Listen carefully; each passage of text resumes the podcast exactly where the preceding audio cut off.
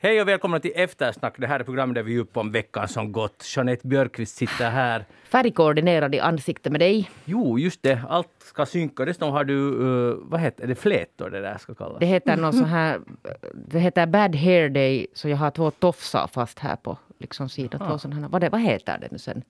Sidekick, Maria Wasström. Svansar. Svansar. Har du svansar? Ja tofsar skulle jag kanske likna det här mera vid. Tofsaktiga Jeanette Björkqvist och Maria Wasström som det redan kom fram har anlänt ända från Ingo och välkommen med. Ända från? Mm. Det är så jättelångt härifrån. Hur länge tar det? Nå, under en timme. Med bil? Mm. Okay. Idag kanske Eller lite, ganska, lite långs... exakt en timme. Idag lite långsammare för det var väl inte så det bästa vädret att köra? No, nej. Man ska ju vara försiktig när det är vinter före. Det ska man. Jag heter Magnus Lundén. Programmet Eftersnack vi ska göra upp om veckan som, som gått. Återigen har det ju skett ett och annat. Och just nu ungefär eller har Lavrov, uh, jag tänkte säga Sovjets uh, utrikesminister, men det är det ju inte. Det är faktiskt Rysslands och Blinken, USAs utrikesminister, träffas för att diskutera Europas öde. Kanske närmare bestämt Ukrainas. Det där, um, ja, vad, vad tror ni nu att vi står? Nu har tydligen, enligt Lavrov i alla fall, Blinken eh, lovar ge svar, USAs svar på den här berömda eh, listan på frågeställningar. Det är det senaste vi har hört. Eh, det är intressant att en sån här lista, det har blivit allt börjat fokuseras kring det. Men det som jag tänkte ta upp här, för att Navalny då som är politisk fånge i Ryssland sitter fängslad och han har smusslat ut några brev, eller fått brev ut därifrån som har publicerats i New York Times. Och han säger att han är fascinerad över hur väst går gång på gång i Putins fälla. Tror ni det här stämmer? Är allt bara en fälla? Eller ska vi säga att vi tittar åt fel håll, så att säga? No, nu är det säkert så att vi har lite svårt att förstå varandra åtminstone. För Ryssland är ju nog, alltså det är ju nog ett sånt land som man ska ha otroligt mycket kunskap om för att förstå sig på. Jag, jag är gång på gång blir jag förvånad över hur de verkar tänka där. Det är liksom... Det är inte så som man förväntar sig. Och det sa han ju lite Navalny också att, att, att väst är liksom... Väst beter sig som en, eh, som en liten mobbad pojke som, som på något sätt eh, går med sen på allt och så där, står med händerna upp och säger förlåt, förlåt, att gör nu att kan vi inte bara komma överens? Men det funkar liksom inte på Ryssland. Mm. Utan man ska slå näven i bordet och så ska man visa hur stark man är. Och det är liksom andra spelregler där, verkar det som. Men om man, om man är mobbad så ett problem är, det, är, är ju det att den som mobbar inte följer så att säga reglerna och beter sig ganska låt, vad ska vi kalla det, snällt ord, irrationellt, uh, följer liksom inte, vad ska vi kalla det, normer. Och, och, och, det är ju, på det sättet tror jag att Navalny har rätt, men jag håller inte ändå helt med om, alltså Navalny vet ju precis vad, han om någon vet vad Putin är kapabel till och, och, och Putins spel, så jag betvivlar inte överhuvudtaget det. Men, men jag tycker nog att, att inte har ju väst bara gått i fällan i det avseendet att nu har de ju försökt säga att det finns en gräns och att om ni invaderar Ukraina, vilket är ju självklar gräns, att nu, inte, inte tycker att man är helt den där lilla pojken eller flickan som försöker liksom anpassa sig till mobbare, men kanske nu ligger det, hmm, jag är lite så tveksam. Ja, och det här alltså med det just med, med diplomati, så det, det verkar liksom inte, det, det, verkar inte fungera, utan det är så att det ska vara kraftåtgärder. Mm. Ja, sen alltså kraftåtgärder då, om man gör det så, så och hoppas på det bästa. Jo, det vill säga att, att, man, att, att man inte sa det på fel sätt så att man provocerar fram någonting. För att det är ja, kanske precis. det som är så svårt att, att gissa sig till. Att ingen läser ju till exempel Putins tankar. Men var det och det finns en massa alltså avancerade, goda, adekvata gissningar på hur han alltså opererar, hur han agerar och vad han gör och vad han är ute efter med sin retorik. Men inte vet ju någon sen på riktigt. Eh, Navalnys analys var ju det att, att det, och där tror jag det ligger jättemycket i det. Att all, all, att det här är lite show på ett sätt. Det är ju faktiskt inte show då sådär, det är inte någon bra show, men, men det är för att uh, skydda sin egen makt och mm. sin och att det inte ska bli ett maktskifte. Och Navalny är förstås subjektiv där, uh, men nu måste ju ligga, jag tror det låter jättetrovärdigt. Och, och, och, det som det också kommit fram nu är ju att medan vi alla har tittat på Ukraina, oj oj, då tänker de invadera, så har de facto Ryssland och Belarus håller på att uppgå till en nation, mer eller mindre. Nu ska de ha gemensamma militära övningar och, och de, de, Lukasjenko har bjudit in ryska trupper som oj, råkar anlända ungefär samtidigt som de ska ha folkomröstning om den nya grundlagen, som gör att Lukasjenko kan sitta till var det 2035 och i det laget så har han suttit över 40 år. Uh, och det här har hänt liksom sådär som en parentes. Men det är också kanske en del av den där strategin att om man mm. får hela världens blickar riktade till Ukraina, så då kan man syssla med andra saker någon annanstans som ja. inte någon kanske riktigt följer med. Att han är nog en elak och skicklig spelare, det måste man säga, vår, vår Rysslands president. Är ni oroade för Finlands del? Jeanette? Jag tycker inte att man ska gå omkring och oroa sig hemskt mycket men, men nu håller det ju på att trissas upp nu med, med alla möjliga NATO-diskussioner och, och sånt här. Det där. Sauli Niinistö har ju pratat med honom på telefon idag. Mm. Och det där, på något sätt tänker jag att Sauli Niinistö kanske kan det här spelet. Ja, jag tror att han kan vara ganska bra där. Och, uh, det som är ju uppenbart att, att Ryssland vill ha någon form av respekt. Och, och alltså på ett plan kan man ju nog... Det ligger ju någonting i det att om vi tittar hur världen såg ut 1990, Sovjet kollapsade. och då, då fanns det Östeuropa som var frivilligt, ofrivilligt hade kommit med i det kommunistiska blocket, men där fanns det liksom en buffert mot Ryssland. Om en stormakt känner sig pressad, att Finland är ju inte ett hot mot eh, Ryssland, men om det, om det skulle komma uh, missiler i Ukraina, Ukraina skulle gå med i NATO, så det är exakt next door, alltså granne till dem. Och, och, och det är därför de har ju hotat med att ska vi, ska vi sätta missiler på Kuba eller i Venezuela, hur skulle det kännas? Att, att det är den där, att det här, jag tycker det är det enda stället man skulle kunna komma emot och säga att ja, att, att om ni lovar att ni respekterar för all evig framtid Ukrainas suver, suveränitet, så placerar vi inga missiler i Ukraina eller i något annat direkt grannland. Jag tycker det, det jag menar, en stormakt, då är det så här de beter sig. Inte vill de ha fientliga kanoner som pekar rakt på dem. Förstår ni hur jag mm, tänker? Mm, mm. Samtidigt är det Ukraina som måste få välja själv att vill de vara med i Nato. Nej, men det är ju just det. Det måste också Finland få. Och Sverige. Det där, uh, Marin hamnade i blåsväder när hon sa i en intervju för Internationell nyhetsbyrå den här veckan att, att uh, under, så länge hon är, eller under hennes tid som statsminister är det osann, mycket osannolikt att Finland skulle ansöka om NATO-medlemskap. Och det blev lite, lite så här panik i finska politiska kretsar. Tycker ni att hon gick för långt där? Men var inte det här alltså en skrivelse i regeringsprogrammet att inte finns där någon sån här sån här, alltså det, det, finns inte sagt att, att man ska söka om medlemskap. Och sen att, att söka medlemskap är ju ingenting som man gör så där att idag vill jag inte men imorgon vill jag. Att det kräver ju kanske lite mera eftertanke. Det är liksom ändå en process. Sen kan det ju hända att hon inte har tänkt sitta på tronen så väldigt länge. det vet ja, vi ju inte så. Nej, men alltså jag tycker också att det blir lite konstigt att, för, att, för att det finns ju ingen, officiellt i alla fall, ingen, att, ingen medlemskap som man tar fram och sen... Nej, och det finns inget starkt stöd i Finland. Nej, och det har inte varit en medlems... Det har inte folkomröstning om det. Så egentligen så sa hon ju det uppenbara. Alltså hon sa ju det som är sant. Så, men det, men det, det är konstigt, för sen jag hörde på en intervju på Yle just med, vad det nu, någon samlingspartist som sa att det är ansvarslöst att säga så här.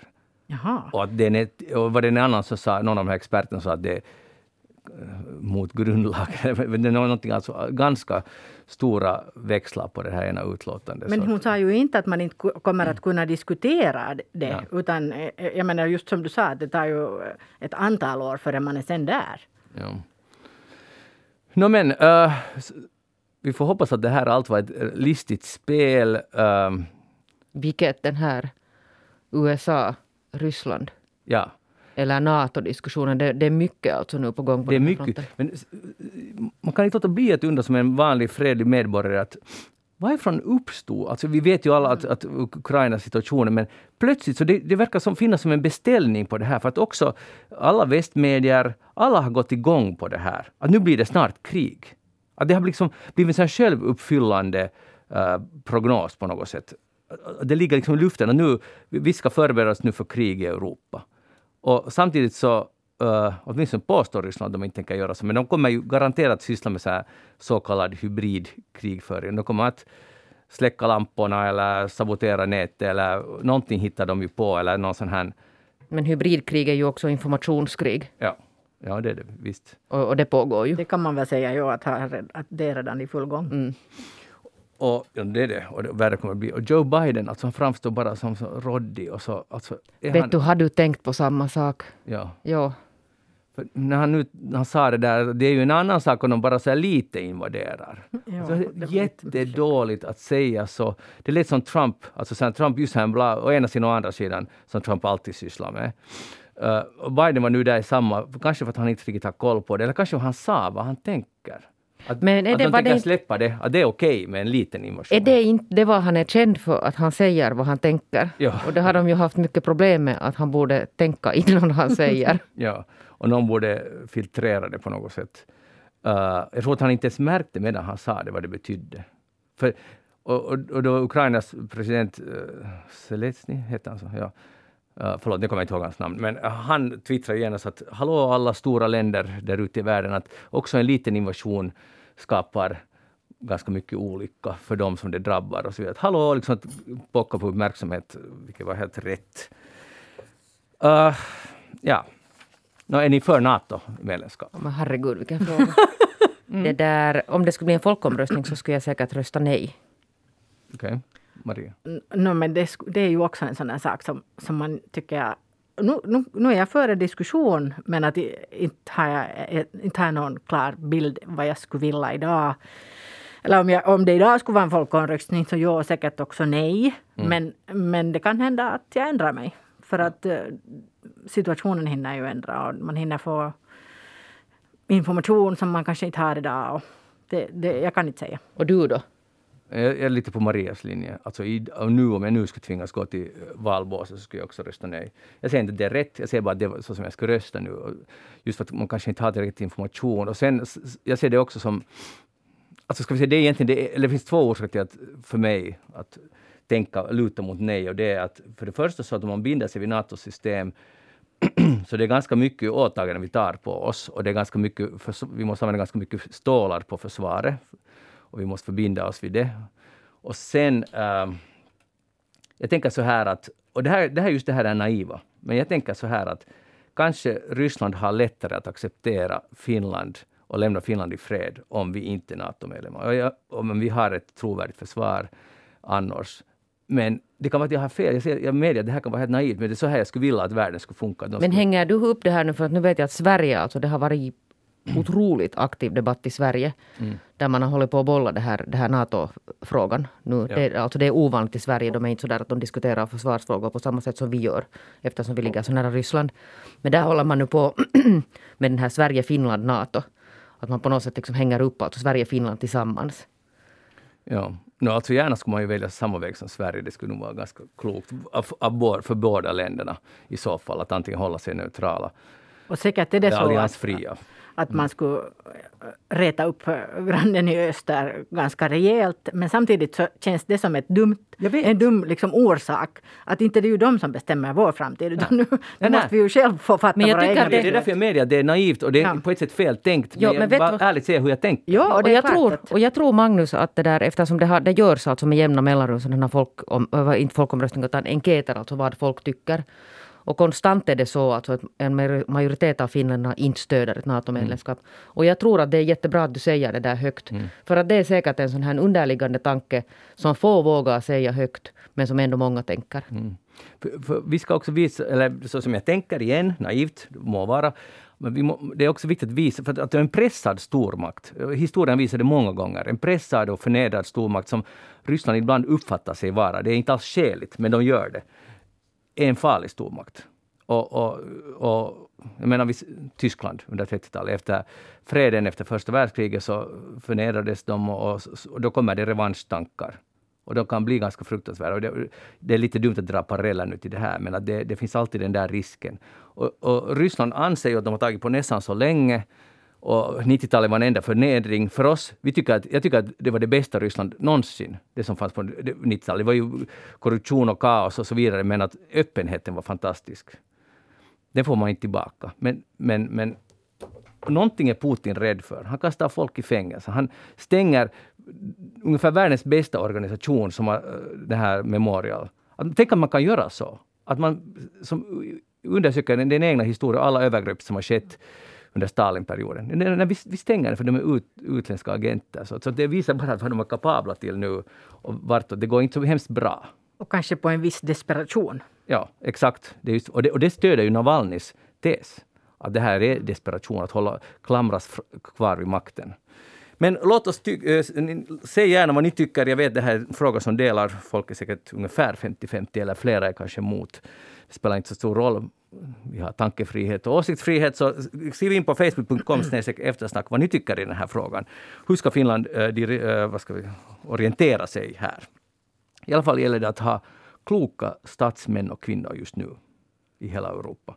Och som förstår sig på Ryssland och på Putin. Ja, och där måste jag nog säga att, att det där för en gångs skull tycker jag att, att det är ganska bra med en, med en Sauli Niinistö som president. Mm. För han är, på någon, han är lite sådär kantig också. Jag tror att, att han är ganska bra på att, att förstå hur man talar alltså med en, med en, med en Putin. Men han är ju, alltså, för det, det går ju lite emot vad Maria just sa, då, för, för att uh, om det är så att Putin endast förstår, och Lavrov som är ju om möjligt värre, eh, förstår maktspråk, så Niinistö är å ena sidan och andra sidan person. Mm, jo, han är å ena sidan och andra sidan, men han är ändå ganska sådär tvär och bestämd. Alltså, mm. Nu har han ju sagt alltså flera gånger väldigt rakt att, att Finland bestämmer nog sen alldeles själv. Ja.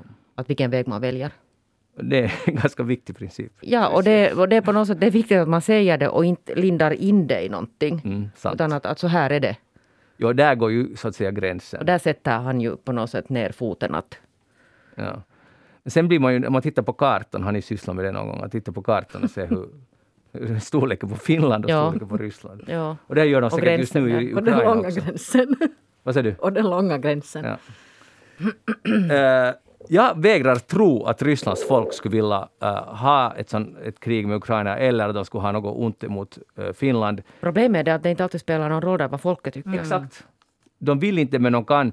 Varför skulle de? Jag menar, här, Ryssland har haft enorm nytta också av ett öppet samarbete, till exempel med Finland. Att det är liksom, vi har alla så mycket att vinna på det. Och jag tänkte på det här när jag lyssnade igår på gamla hippin Little Steven, han som spelar med, bland annat med Bruce Springsteen. Och där var en låt som jag jag hade tänkt spela den, men jag gör det nu ändå inte. Men den helt enkelt handlar om att undefeated everybody goes home. Och det här är vad vi nu borde göra.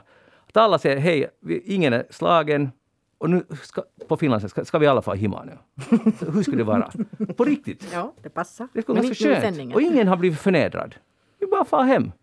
Så fortsätter festen någon annanstans. En riktig fest. En bra fest. Hej, påven. Får jag tala om honom? Ja. Ja, du tycker lite om honom. Jag vet, men nu har jag problem. Oj! Det här jag missade, för det var för några veckor sedan så gav han, han hade liksom någon sorts tal där han gick åt föräldrar, eller ska vi säga män, kvinnor och män, och kvinnor och män, oberoende, som inte har barn och istället skaffar sig husdjur. Va? Jo, det här är sant. Och det här är fakta. Och han, han säger att det är själviskt och att, att det är en, en fara för mänskligheten. Och det där, uh, oberoende om man adopterar eller inte, men man måste man, man, alltså vårt, hem, han sa så, vårt hemland, och jag tror att han syftar på hela mänskligheten, liksom varje hemland, lider när vi inte har barn, eller begränsar oss till att ha bara ett barn. Att det, och istället skaffar oss husdjur som vi uh, vårdar lika nära som ett riktigt, eller som ett eget barn. Har ni någon kommentar på det här? Påven själv ska väl inte ha något barn och han ska väl leva i celibat? Och alla hans katolska mm. präster också. Mm. Ja, vi har ju nog sett hur det går. hur ja, det går, dels går det, men jag menar att mm, några no, riktiga familjer blir det inte heller av det. Uh, det, låter, det låter främmande där. Kan det vara faktiskt det här, om vi nu utgår från att det är sant. Okay, 5 ja. januari. Ja, det... Var har du nu snappat upp det här? Jag såg det, jag såg när han prepplade själv. Aha. Okay. Det där, här finns så många saker nu som man, som man måste skjuta ner på något sätt. Alltså ja. För det första den här alltså antagande om uh, att människor bara skaffar barn. Mm. Att människor har någon slags liksom plikt att skaffa barn. Så det är en otroligt komplex och svår fråga. Mm. Och, det, och det borde påven veta. Eller det kanske han skulle veta om han skulle röra sig i den här relationsvärlden. Mm. Att det är inte så där bara som, så, som folk beställer barn åt sig. Och sen är det ju en hemskt så här västerländsk, alltså det är ju en välfärdstanke det här. Vilket? Den här att, att folk skaffar, att, att folk är själviska och, och vill inte ha barn utan skaffar istället en massa husdjur som de sköter om. Det är ju inte så att det är ett globalt fenomen. det här är ett liksom välfärds... Det är ett välfärdsval. Mm. Om man lever i, i stabila, fina förhållanden så kan man välja bort, alltså de som vill välja kan välja bort ett barn och ta ett husdjur istället. Och sen är det ju en hemskt underlig alltså syn på djur kommer där ju också. Mm. Så det är som att djur inte skulle ha något värde i sig. Alltså det, där, där är så många saker som är tokigt nu att jag, jag blir lite upprörd. Jo, man blir lite upprörd faktiskt. Jag blir mest upprörd eh, allt det som du sa. Men också att, det, att ta sig den rätten, fast man är påve, och säga ut till världens folk att ni är själviska om ni har barn. Eh, det här är just en sån begränsning av friheten som jag, jag inte kan begripa, att man, att man måste säga åt andra hur de ska leva. För här är det, det, det vad det handlar om. Men hör du, nu är det ju en jävla tur att man inte är katolik då. Så behöver mm. man inte liksom bry sig om vad den där påven säger. Att han har sagt jättemycket kloka, bra, och, det är en moralisk kompass i vissa frågor. Liksom. Men vad händer om man, om man bestämmer sig för att man varken vill ha barn eller djur? Då är man säkert också självisk. Det, är det, det är ännu värre kanske. Eller? Men antagligen är det värre om man tar ett djur för att då på något sätt tolkar han det som att man har någon sån här man... vårdinstinkt ja, som man sätter, kanaliserar på det här djuret istället. Ja, ja. Men det är ju nog alltså så att jag, att jag säger nu till varendaste en där ute som inte har barn och har husdjur att bra. Och bra att man har husdjur. Eller inte, inte ja, framförallt att välj själv. Ja. Inte säga bra eller dåligt. Att just, exakt Maria, just att det är nu ditt val och ingen ja. har med det att göra. Och ibland kan man ju inte välja, det måste man ju medge. Men att ja. i alla fall då gör man det bästa av den situationen. Och det finns en väldig massa orsak till exempel om man har alltså den möjligheten att man kan välja bort barn. Så det finns många orsaker alltså till det. Ja. Till exempel den här tanken på att man inte vill belasta jorden med fler barn. Ja, fast det låter nog som en jättetung börda. Ja, ja det, jag, jag, jag, alltså det är ett argument om det använder om man vill. Men jag tror inte på det här argumentet. Alltså i den betydelsen att det är så stark för många, och inte för alla, men så, så stark biologisk drift att om man har den här driften och, och förnekar den, om man så att säga kan välja, så tycker jag att, att man sätter sig själv, målar sig själv i ett hörn, att det kan, man kan må ganska dåligt sen av det igen. Jag, jag tror inte att man ska ta hela världens klimatångest på sig själv. Att nu löser jag det genom att inskaffa barn. Jag tror inte att det är rätt. Men jag, jag respekterar om någon gör det förstås. Det, som sagt, det är var och ens frihet. Det är just så. Och det är inte påvens sak. Jag, jag tycker bara att det är lite omodernt och fel 2022 att gå ut och säga så. Nu har det inte väckt en massiv annars... kritikstorm det där? Ja, nu har det blivit ganska Ja, och tycker du nu annars att den här, just den här Hans kyrka går i bräschen för sån här modernt tänk annars? Nej, det, det, det har du alldeles att rätt i. så tillvida. Jag läste en härlig artikel i Helsingin Sanomat det var reportage från Silja Serenade. Den där står, mm. ligger i docka. Ja, Nej, inte i docka, utan den ligger i hamn, liksom, väntar på bättre tider. Och, och de måste ju hålla och, igång fartyget. Det är en av mina favoritfartyg, då ska jag medge. Och det där, och där är 40, 30 till 40 anställda som i praktiken bor där. Och de går bland annat så måste de gå och hålla kranarna igång, alltså vattenkranar. Det finns 3000 vattenkranar, vilket nog visa hur sjukt det är, men det, det vågar, jag, vill jag nu tala om, jag förnekar det. Så de går sätter på kranarna, så det ska rinna. Så de inte liksom, inte vet jag vad som händer, det blir dåligt vatten och det trycket far, whatever. Det gör de. Och så har de klockan sju på kvällarna har de badmintonturer. De har målat där på den här promenaden med tejp, en badmintonplan. Och då spe, där, var, där var man går och lever the good life. Nu spelar de baddies där. Vad sägs? Så de bor, de bor där ja, på den här båten? Att, alltså de, de lever din dröm? Ja. ja. Och, men det är bara lite kusligt att vara 40 människor ombord på ett fartyg som rymmer jag tror det är nästan 3000 som det kan ha, eller i alla fall långt över 2000. Jag vet inte hur länge den har varit på docka, men, men det stod ju någonting också i den där artikeln om att, att i början åtminstone så fick de äta upp all den här härliga maten ja. som, var, som var beställd då för, för kunderna. Men sen när den tog slut så då blir det helt normal personalmat. Ja, det, det var, men de fick lite frossa läckerheter där ja. en tid. Men nu, min fråga till er att, att om vi skulle ta till exempel alla eftersnackare, sidekickare och några lyssnare med, skulle ni vilja bosätta er där? För till exempel två veckor. på Ganska sidan. många lyssnare skulle det vara då. Ja, men 40, vi är, vad är vi, 12 stycken kanske så här. Bosätta? Ja, det vara där i två veckor och ligga där. Och, och... Om du vill fortsätta Maria så svara ja. ja just, alltså, men de får ju betalt för det, det är ju deras jobb. Ja, men ni, ni skulle också få lite betalt av mig, men inte, inte, inte mycket. Inte mycket. Tycker ni att det låter lite spännande? Två veckor är ganska lång Du vill försöka dra in andra nu i den här din dröm? Ja. Alltså jag kan komma nog en vecka om jag dessutom får Kom. betalt. Kan du komma? ja. Hur mycket måste du ha för? Det kan vi förhandla om här efter sändning. Men hej, jag ser ju, alltså, jag ser ju redan koncept, det här ska vi ju sälja det här konceptet nu som så här reality. Ja. Finlandssvensk reality, eftersnackarna på, Ja, på övergivna Men alltså det skulle ju sluta i någon, någon form av... No, kanske inte i mord, för att man har ganska mycket plats nej. där. Nej, jag menar att man skulle bli tokig nog. Nå, nå, inte Men det där, inte den, men det är, väl in, det är nu väl inte så att de är inlåsta där på den här? Nej, nej, men vi skulle vara. Jag kan nog tänka mig Ja, värre, värre karantänsförhållanden och, och, och sådana. Att, jag menar, där har man ju furstligt med utrymme. Ja, jag, jag tar tillbaka, inte blir man tokig, men vad jag, vad jag egentligen tänkte att, att det kan vara ganska skrämmande. Tror du? För det är ju jättestort. Jag menar bara att det kanske blir lite trist. Ja, vi går vidare.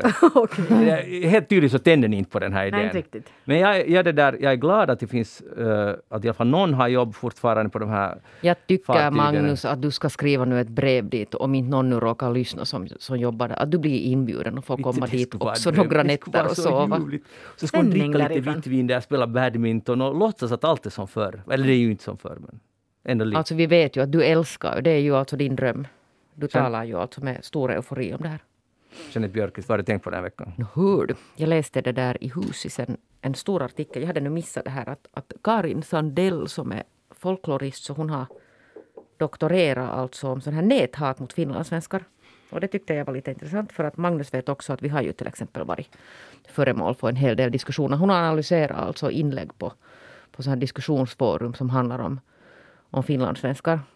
Och det där hitta liksom då att, att den här avhandlingen heter Parasiter och bättre folk. Mhm. Så det säger väl redan någonting om vad det är för sådana fördomar som frodas där. Och det, där, och det är ju liksom precis som man kan tänka sig då att, det där, att vi är svin eller parasiter. Det är sånt här som, som Vilka är du hellre av de där? När den här parasiter så alltså, syftar man tydligen på att finlandssvenskarna bor alltså där på samma område som fästingarna. Så att den här, med- med parasit så menar de man då att, liksom att, att finlandssvenskar är som fästingar. Aha. De är ju liksom någon slags parasiter. Att det är därifrån man har hittat på det här, den här parasiten. Sen är vi ju då alltså det där, har vi jättemycket fördelar. Eh, vi, har med, vi är rikare, vi har finare bostäder, vi är arroganta. Och, och vi uppfattar oss själva också som bättre folk. Och, och det här alltså, den här, vår existens är alltså då på de finskspråkigas bekostnad. Alltså för att vi finns så är det borta av de finskspråkiga. Sen är finlandssvenska män är mindre manliga än finska. Fjolliga eller till och med alltså då homosexuella. Det är lite samma alltså så här stereotypier som man ha- har Ja. på, på det där rikssvenskarna. Och sen är vi då mindre hängivna till den här vår nation. Och vi är till och med alltså potentiella sådana förrädare. Mm. Och, och dessutom skulle de flesta av oss vilja fara till Sverige eller åtminstone så borde vi föras till Sverige om inte vi själva förstår att det är där vi hör hemma. Mhm. Så det här är nu alltså bilden av, av finlandssvenskar i sådana här debatttrådar så där i ett nötskal. Fanns det något... Mm, nu har jag inte läst den här. Jag har inte läst Under- avhandlingen, jag har bara läst texten om den. Men fanns det något positivt? Att, Nej, det fanns det nog inte. Vad sorgligt att sådana gamla stereotypier liksom lever och frodas fortfarande. Det känns så otroligt liksom, urvattnat. Jo, men alltså jag blev på något för, för att jag, där, jag hade en period i mitt liv när jag gjorde misstaget att, att hålla på och läsa sådana här saker om mig själv. Och sen var det ju ofta så där att man var i samband med något annat. Och tydligen så att de här finlandssvenska... jag menar SFPs ordförande, vem det än är, så lär vara särskilt stort föremål för sån här, inte vet jag ska man kalla det hat, men sån här på något sätt förakt i de här diskussionstrådarna. Men det där, jag slutade med den här sen för att jag insåg att det leder inte mig framåt på någon nivå överhuvudtaget i mitt liv. Så jag slutade med det. Så på det sättet tycker jag att det är en hemskt intressant... Det är intressant att hon har, att hon har läst det. Så frågar den här Fredrik också att, att har hon själv påverkats av det här? Att man sitter och läser och läser och läser. Man kan ju bli lite bedrövad när man sitter och läser. Liksom sjunker in i det här, de här nätets svarta hål. Och så sa hon att det enda hon kanske är upprörd över är det att, att det påstås att vi har varit förrädare i kriget eftersom hennes alltså morfar till exempel deltog i kriget på precis samma sätt som finskspråkiga. Sen måste man komma ihåg att det här är ju en, det här är liksom en bubbla som finns där på nätet och det här är ju inte på något sätt kan jag tro någon sån här allmänt rådande uppfattning Nej, i det det Finland. nog inte. Eh, ska man ta det på allvar? Alltså ska man... eh, bry sig? Jag tycker att man ska bry sig i det skedet för att hon säger att det följer ju samma, det följer ju samma mönster. Alltså de som tycker så här tycker vanligtvis inte särskilt mycket heller om invandrare. De tycker inte särskilt mycket om, om sexuella minoriteter. Och sen kan de ha svårigheter med kvinnor. Och, och liksom det här hatet mot kvinnor är ju sen så här sexualiserat alltså hat. Uh, och man ska vara alltså orolig i det skede som det börjar förekomma tecken på att, det här, att de här känslorna ska övergå i handlingar.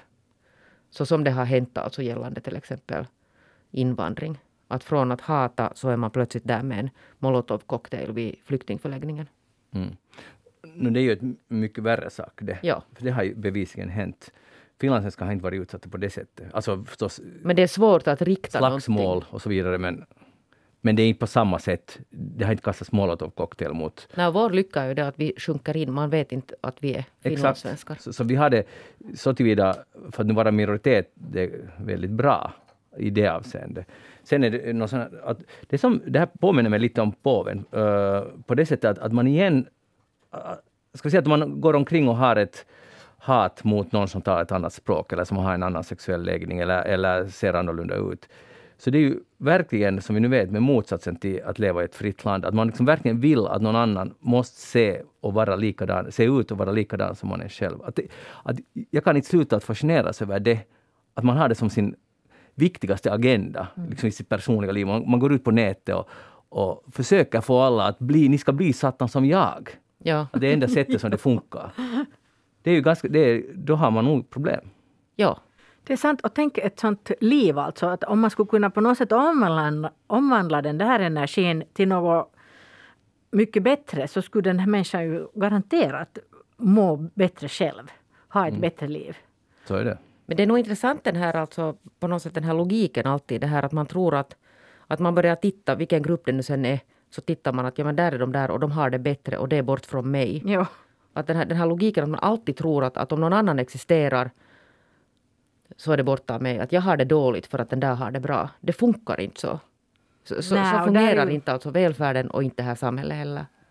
Och, och fast, fast, jag menar det är ju också helt knäppt att eh, ska man vara emot då alla som har det bättre än en själv? Att, vad är logiken där? Och plus att inte, det finns alla möjliga slags finlandssvenskar. Nu borde nog alla väl veta det vid det här laget. Jo men det, i det här alltså ingår ju det att man, man ser ju inte individer. Man nej, nej, alltså utan man, Ja. Men äh, det här gör vi nu, nu gör vi ett grundläggande misstag, men jag göra det ändå, att ta några av de argumenten på allvar och försöka diskutera dem.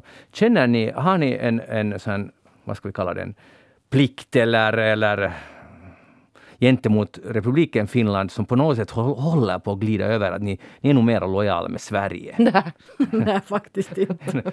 har ni någonsin Nej. tänkt så? Nej. Nej. Inte jag heller. Men att, jag menar, varför skulle man så tänka? Inte det är ju vårt Jo, man måste få tänka så. Det är ju faktiskt en fri värld. Om man tycker mer om Sverige så det är helt, det är riktigt bra. Det spelar inte någon roll. Och det är det här som är det sjuka.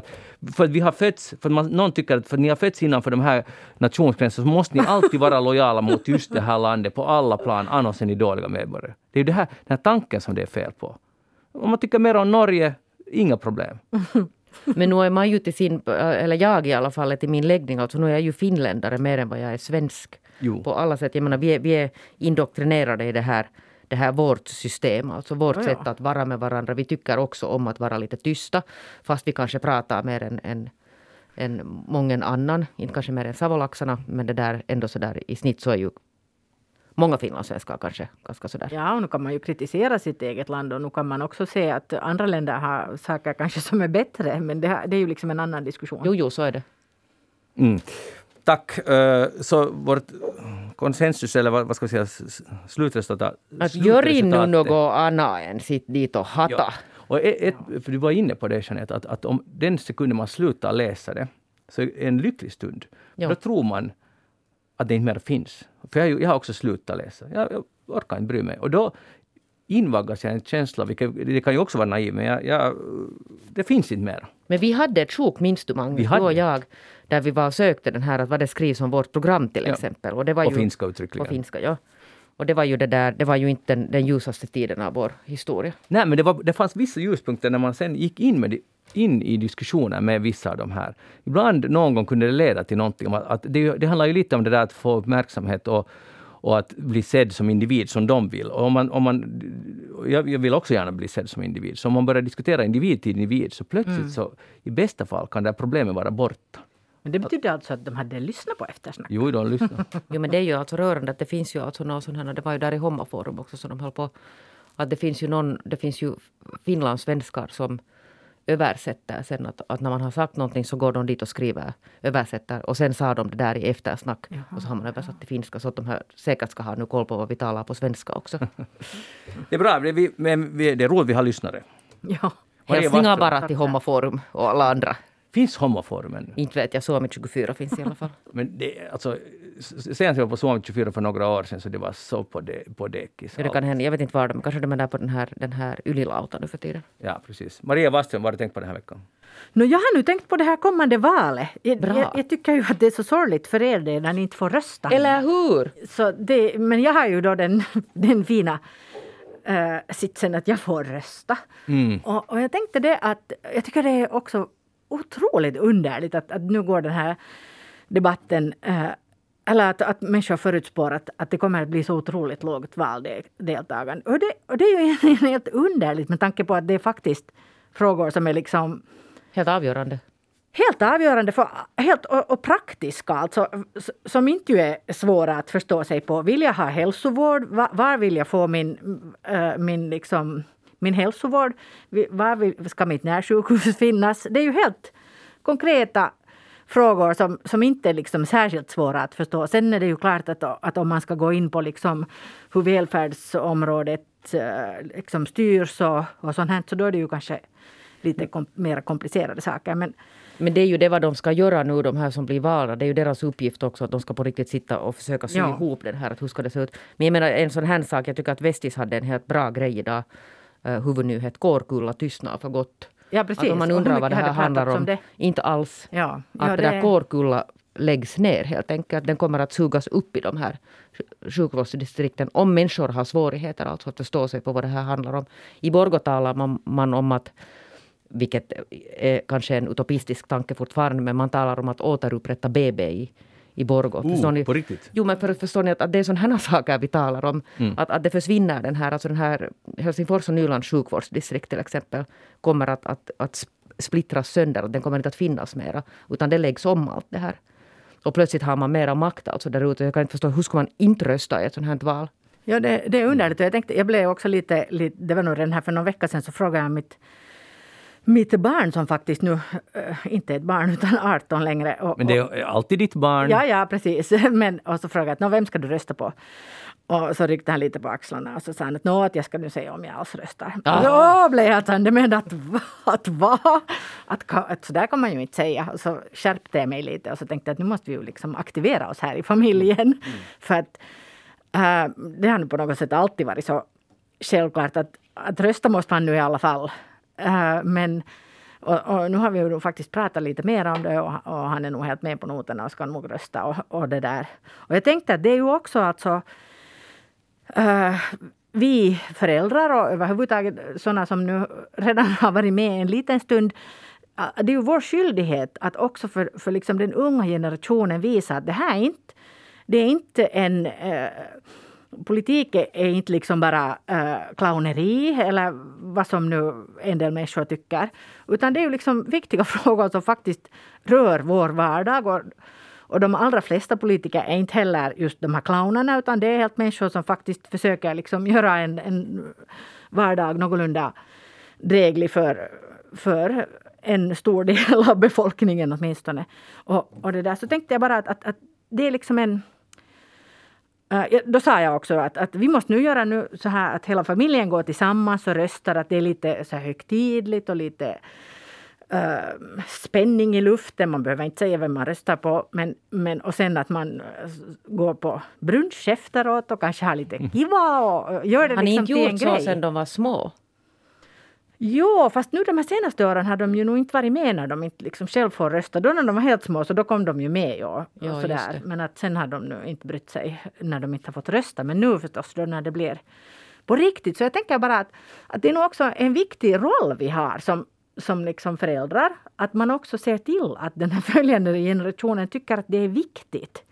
Att det, det är något som man Vilket måste förutsätter att vi själva förstår att det är viktigt. No, precis, först måste man kanske börja med det. ja, det är Men alltså det där, jag gjorde ju en exkursion förra veckan så jag, jag är ju så deprimerad över att jag inte får vara med i det här valet och rösta. Det jag gjorde en exkursion ja. till grannkommunen. Ja. Och där var det ju alltså, det var ju High Chaparral, alltså där var ju massa partier och vet du, festligheter och slickestickor och allting. Så vi var där med min dotter då lite snylta på de här ah, jag, men jag sa nog helt ärligt att vi får tyvärr inte rösta med det där. Men de var alltså, de var det där ändå jättevänliga.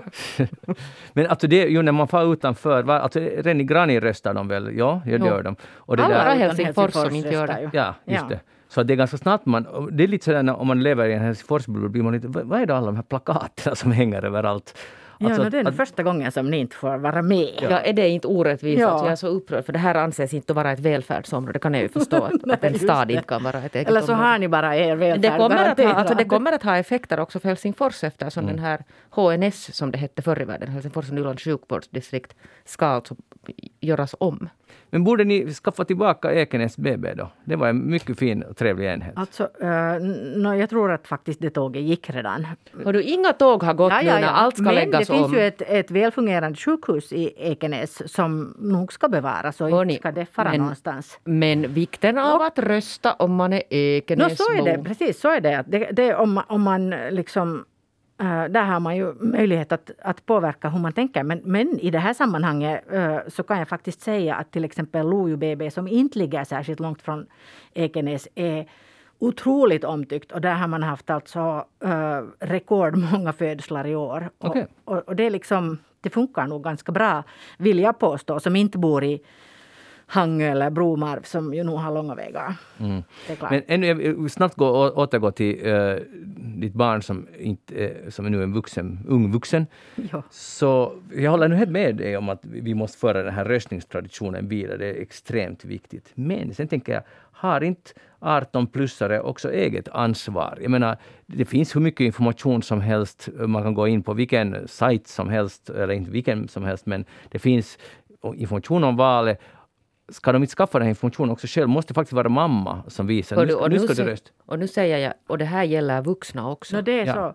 så. Klart att du har rätt i det, men äh, nu kan man ju alltid föregå med gott exempel. Visst. Och inte tror att det funkar så att en vuxen säger att nu ska du gå och rösta och så går man. Men det är ju kanske mer det där att man är det goda exemplet. Mm. Att man pratar om de här sakerna och funderar själv ut att varför är det viktigt att, att vi går och röstar. Varför angår den här saken mig? Vilket den ju liksom definitivt gör. Och en annan sak som är roligt tycker jag med det här valet är att hälsovårdsfrågor har plötsligt av förekommen anledning fått liksom ett så stort utrymme att man har inte tidigare heller... Det har inte varit de där viktiga frågorna som har tagits upp. Även om de flesta människor tycker att det, det är det som är liksom det allra viktigaste. Mm. Att, att man har en, en välfungerande hälsovård. Men sen när det har varit politiska debatter och så här, så då har det nu lite sen... Mm, sällan har det handlat hemskt mycket ändå om, om liksom hälsovården. Men nu har det fått utrymme. Men jag minns inte vad den här senaste prognosen, man har gjort såna uppskattningar om att på basis alltså av den här förhandsröstningen där Ingo har varit alltså helt i topp där i Västjylland ja. läste jag. Uh, liksom att, att vad det här valdeltagandet kommer att bli, men det blir väl alltså uppskattningen är alltså 40 procent eller under. Men Ingo har redan 35 procent röstat. Ja, men alltså de här 60 procent som då tydligen inte tänker gå och rösta, så de är ju inte alla 18 plus, alltså sådana här just 18 fyllda. Utan det är en väldig massa vuxna. Jo, bra mm. poäng. Alltså, det, jag, jag, jag, alltså, jag förstår dig Maria, precis. Jag skulle ta det, alltså, det på ett, för att jag försökte föreställa mig om det här skulle hända åt mig som far och så mm. skulle no, någon av mina barn säga att jag orkar inte rösta. Jag skulle, jag skulle bli otroligt provocerad. ja, precis. Vad är det här för fasoner? Och, men jag skulle faktiskt inte först tänka att jag har nu gjort bort mig. Jag skulle bli helt, jag skulle bli, jag, jag vet deprimerad och arg. Och det är ju en löjlig reaktion också men, alltså, för att, men, men, men att, att, att det finns så många, för man borde bli provocerad på 60 procent av befolkningen nu Mm, som inte kan gå och rösta. Fast vi hoppas att de kommer att gå och rösta. Hoppas det är också det här problemet, det är som kriget i Ukraina, det blir liksom självuppfyllande. Att, att det blir aj, det är lågt deltagande, det blir lågt. Det, det, ser ut att bli lågt deltagande, aj, det blir lågt deltagande. Ja. För det blir en sån här, ah, ah, kanske det inte är så viktigt att rösta. Men det här är alltså en så stor alltså historisk omorganisering mm. av en massa central service. Och, och tänk lyckas ni som får delta. Alltså, ja, och sen är det ju nog, det måste jag ju medge att om man bor på en liten ort så är det ju lättare att veta vem man ska rösta på. Därför att man kanske känner människor på ett annat sätt. Man vet hur de tänker, man har följt med dem. Man, man har liksom uh, man är på något sätt närmare också, också hela beslutsfattande. Uh, att, att om alla namn på den här listan är helt obekanta, det säger det ingenting, så nu är det ju ganska svårt. Men att då kanske man i det skedet borde fundera att varför är de här alla obekanta för mig? Har jag, har jag inte alls följt med något? Och vet man inte vem man ska rösta på så kan man alltid tänka att vilket parti är ett sånt som jag skulle kunna tänkas sympatisera med. Om man nu har såna här stora bilderna av vad de här partierna står för. Och så går man och så tar man helt random vilken som helst. Alltså där. Det är mycket bättre än ingenting. Ja. Mycket, mycket bättre. Hej, uh, vi uppmanar alla att rösta och vi hoppas att någon lyssnar på oss i den här frågan. Hej, uh, tycker ni att Somaliland ska erkännas som självständig nation? Ja eller nej? Ni behöver inte veta något. Jag vet alltså, jag har varit där. Har du varit där? Jo. Det där, de har velat ha, jättelänge bli erkända. Mm. Va, mm. Vad säger Maria? Jag tycker att man inte kan, kan liksom slänga ur sig ett sånt svar utan att riktigt ha fakta på bordet. Nej, och jag, jag, jag förstår det. Jag försökte provocera ja, fram ja. ett svar.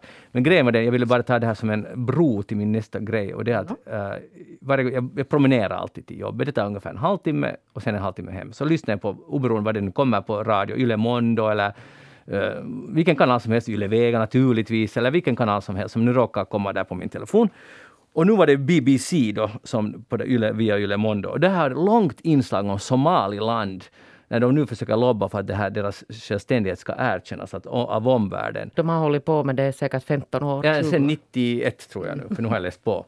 Och, det där, och, och, och där var det någon minister, tyvärr vet jag inte vad hon, vad hon hette, där finns heter. alltså i Somaliland väldigt många finsk ursprung, ursprungs somalier som alltså har blivit ledande politiker. Aha. Mm. Okej, men, men vad jag ville säga att jag älskar radio. Alltså kort och gott för att den här allmänbildande grejen, just när man inte väljer, i, i motsats till poddar, att nu vill jag höra på Ted och Kaj eller nu vill jag höra på eftersnack. Så det finns också en point i att nu tar jag helt random vad, vad som kommer och blir... För en gång till exempel lärde jag mig allt om hur man egentligen ska dejta. Det var någon proffsdejtare från Sverige som hade skrivit en bok och hon berättade hur man dejtar. Det kände mig mycket främmande, kändes mycket främmande men jag, blev, jag kände mig ganska expert sen efteråt.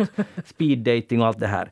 Nåja, och nu var det om Somaliland och, och jag, jag visste egentligen ingenting, i motsats till Jeanette som har varit där, visste ingenting om Somaliland och nu har jag satt mig in mig och de har ett ganska stabilt samhälle. De har haft ja. stabilt samhälle hela tiden. Alltså de är ju helt alltså i princip alltså separata från Somalia ja. där det har varit ka- mer eller mindre kaos alltså sen inbördeskriget då, ja. 91. Och, och, och, de har alltså, de, alltså demokratiska val och de har lite kastat lite tyvärr journalister i fängelse emellanåt och man får, inte, man får till exempel inte visa en somalisk flagga i Somaliland. Vilket jag tycker är ganska konstigt, men jag ska nu inte blanda mig i det här. Men, men ändå för att vara ett land i den regionen så väldigt fritt och välmående. Så är det. Nyhet, att, att radio, radion... Är du för eller emot att de blir självständiga? Ja, nu när jag har satt in mig så jag tycker att de ska bli, få ha den här rätten. Mm. Så länge de, de skulle kunna tillåta att man får vifta med Somalia-flagga och inte sätta journalister i finkan. Ja, där har ju varit alltså den här, den här på något sätt flyktingströmmen har ju gått alltså hemskt mycket från Somalia till Somaliland. Så där finns ju flyktingläger. Aha. Det var ju där jag var, alltså på flyktinglägren.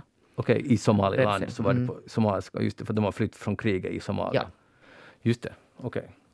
Intressant. Um, vi fortsätter. Jag läste en artikel här i, ja, nu vet jag inte vilken tidning det var, men det, det var en finsk tidning. Det, det handlar om att att den här känslan för modersmålet håller på att sina. Liksom. Och det handlade om finska uttryckligen. Men så var det, citerade de en, en brittisk uh, språkvetare, David Crystal, som redan 2016 ha, tog upp den här frågan som jag inte tänkt så mycket med, att, att ungdomen är livrädda för, för punkt. För att det är så brutalt att, att avsluta en chatt med en punkt. okay. Förstår ni? Det är liksom så här definitivt, nu är det slut på den här chatten. Och därför håller ungdomar på att tappa uh, känslan för punkt. Det är liksom aggressivt tecken. Och jag får fråga, har ni någonsin tänkt på det här? No, aggressivt är ju, det är ju liksom stora bokstäver. Mm. Ja, okej, okay, ja, men, och, men punkt är tydligen också det är inte alls bra att använda. För det är liksom, ja, det är liksom man signalerar att nu vill jag inte tala med dig mera. Ja, men den saken hade jag inte tänkt på. Jag undrar bara att vad har den där sen för... Alltså det har ju länge, det har många, många, många år har man talat om det här. Alltså det började när man började smsa. Mm. Och sen när det kom förkortningar och en massa andra saker i de här sms och nu är vi ju long way from sms, alltså nu är vi ju helt andra chattfunktioner. Jag, jag tror inte att det, att man det tappar alltså, vet ni, nej, förstår ni, att man tappar för att man håller på med sån här, mm. sån här Twitter, uh, kortare då nu, alltså då Whatsapp, vad det nu finns, Snapchat, liksom alla de här. Men att det på något sätt, för att det blir den där sättet man kommunicerar i skrift på. Mm. Jag tror inte att det är det som är alltså. det största hotet mot modersmålet eh, på något språk, varken finska eller svenska. Jag tror att, att, att det finns ett hot mot modersmålet och att många har ett försämrat modersmål. Men det har liksom att göra med att man inte läser tillräckligt mycket och det har, ja, det har främst med det att göra. Det, tog upp, det togs upp i den artikeln att uh, var det uppemot 15 procent klarar helt enkelt inte av att läsa riktig text. Och det är nog ett problem. Av en yngre målgrupp. Och det här har stigit. Det har ju alltid funnits. Det finns ju alltid en eh, grupp som inte det här, gäller ju väl, det här tror jag gäller på samma sätt alltså finlandssvenskar också. Jo, förstås. Ja. Jag måste få, alltså det här hör lite ihop med det här. Jag läste på Svenska Dagbladet förra veckoslutet. Rubrik Oron, kolon. Många suicid bland unga samiska renskötare. Vadå? Så jag sa att suicid? Att vad är det här? Alltså istället för självmord så skriver man suicid. Och sen satte jag ut det här på min Facebook och så visade det sig då att det är inte fel. Man kan tydligen säga, men det är en fackterm. Men jag menar, vilken journalist väljer att skriva suicid istället för självmord? Att om man talar om, om utarmningen och hoten mot, mot modersmålet, vilket det än må vara, så är det nog engelskan.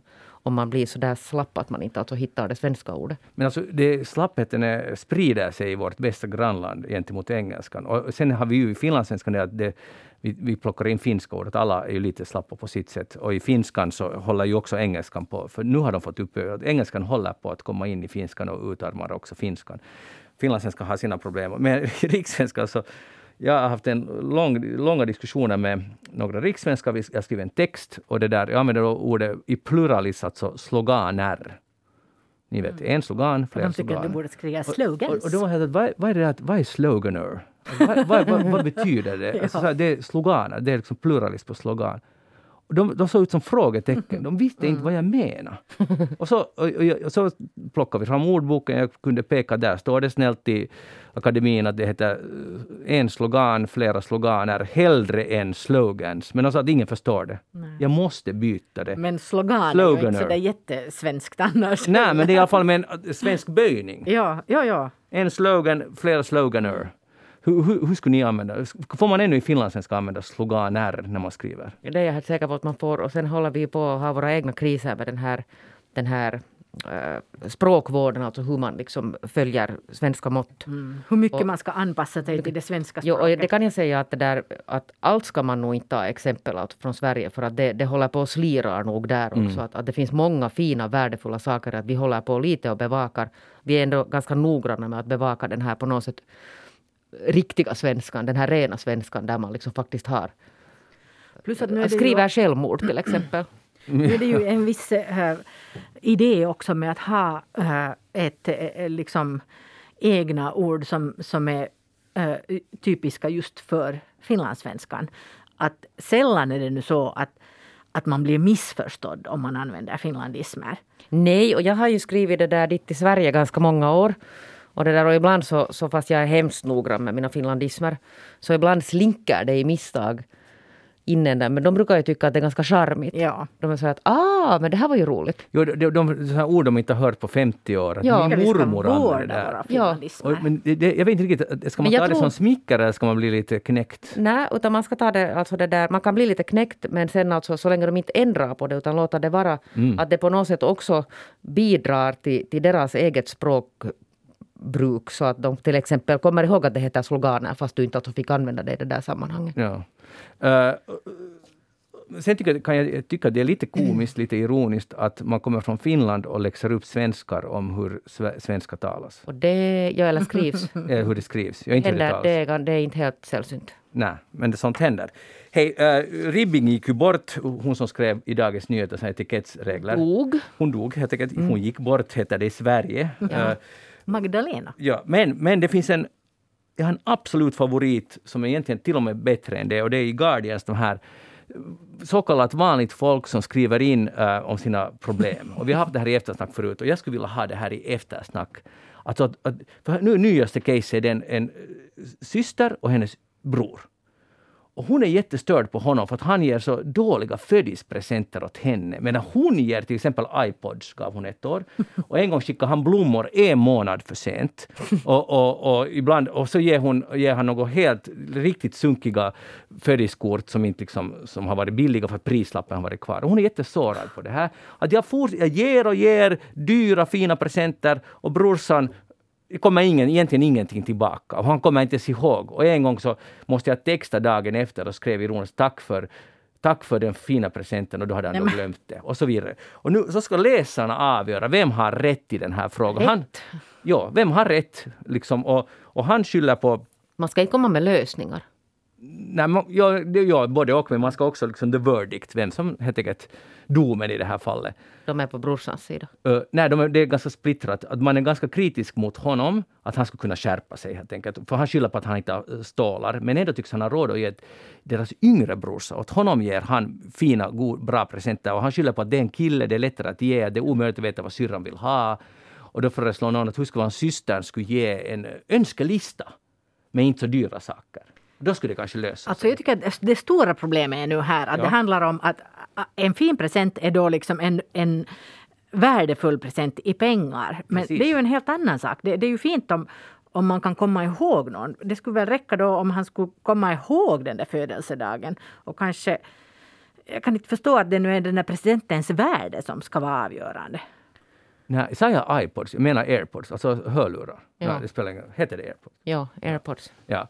Naja, ja, ja, bra Och ganska cyniskt av den här uh, systern också att börja fundera att vad är din present värd? Precis. Om du ger åt mig en present och så kommer man hem och titt, googlar du att vad har den här nu kostat? Hui! Ja, bra! För vet du vad, min, min dom i saken är att jag, jag förstår systerns irritation men jag är lite mera på den här brorsans sida. För att alltså, idén med att ge någonting är ju inte att man ska sitta och vänta med klockan i högsta hugg och, och mäta prislappen där. Vad får jag tillbaka? Att hon har och motsvarar det min jag motsvarar min. Jag skulle säga att det där, man ska sällan sänka sig till andras nivåer. Men om hon nu bara skulle sänka sig till den här brorsans nivå och skruva ner förväntningarna och det här. Mm. Börja ge också helt bara basic presenter. Eller sen bara slopar de hela idén om presenter. Det är också kan man inte komma överens ja, att, man slopar. Men har man någon skyldighet att måste uppvakta sina syskon på födelsedagen? Det får vi ta nästa gång. Men det, är, det här lämnar som en tankeställare till alla lyssnare. Och, och skriv gärna till oss och berätta om era problem med presenter med syskonen. Jeanette Björkqvist, tack, ja, tack för att du var här. Maria Wasslund, tack för att du var här. Jag heter Magnus Lundén. Vi är tillbaka igen om en vecka. Gå in på facebook.com eftersnack och hör av er. Hej då!